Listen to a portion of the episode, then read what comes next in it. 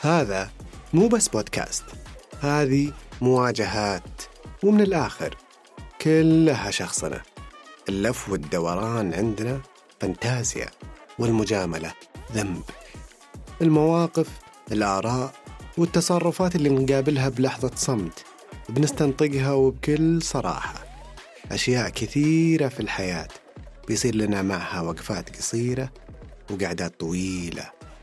غايتنا التفكير بصوت عالي صوت نشاكس به صداك وتجربة تترك أثر. معي محاكيك سامي الجار الله في هذا البودكاست. شخصنا. شخصنا. إلى الشخصية. حاء أهلا وسهلا. الناس اللي لما يستجد حال ويتغير ويصير أرحب وأكثر مرونة زي ما إحنا عايشين الآن. فبدل ما يشاركون فيه ويستمتعون ويخلونا أفضل وأفضل تلقاهم مشغولين يلومون أو يشمتون بالناس اللي سلبونا بهجة الحياة بكافة أشكالها في الماضي. ترى يا جماعة اثنينكم نفس الطينة.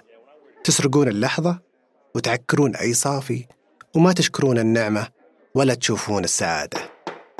يا حاء إذا أنت معهم بالتشويش بالتوجد على ما فات والانشغال بالحسبنة ومهاجمة سلوكيات وأيديولوجيات كان لها نفوذ اجتماعي تراك مو قاعد تجلد أصحابها ولا من يعزز لهم ولا حتى ذاتك.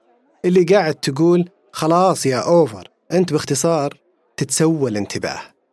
تتسوى الانتباه في مرحلة كل من حولك مشغول بما هو أهم مشغول بالتطوير بنفسه بمحيطه بمشروع وطنه ورؤيته بالبناء بالتهيئة بالإنجاز مشغول بيبني حياته بيستمتع فيها ويرسم لوحات وذكريات جميلة على جدرانها.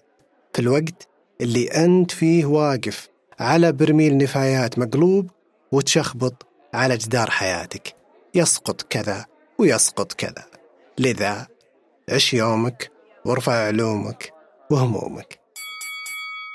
الوعد الحلقة الجاية وراح تستمر الدعوة شخصنا.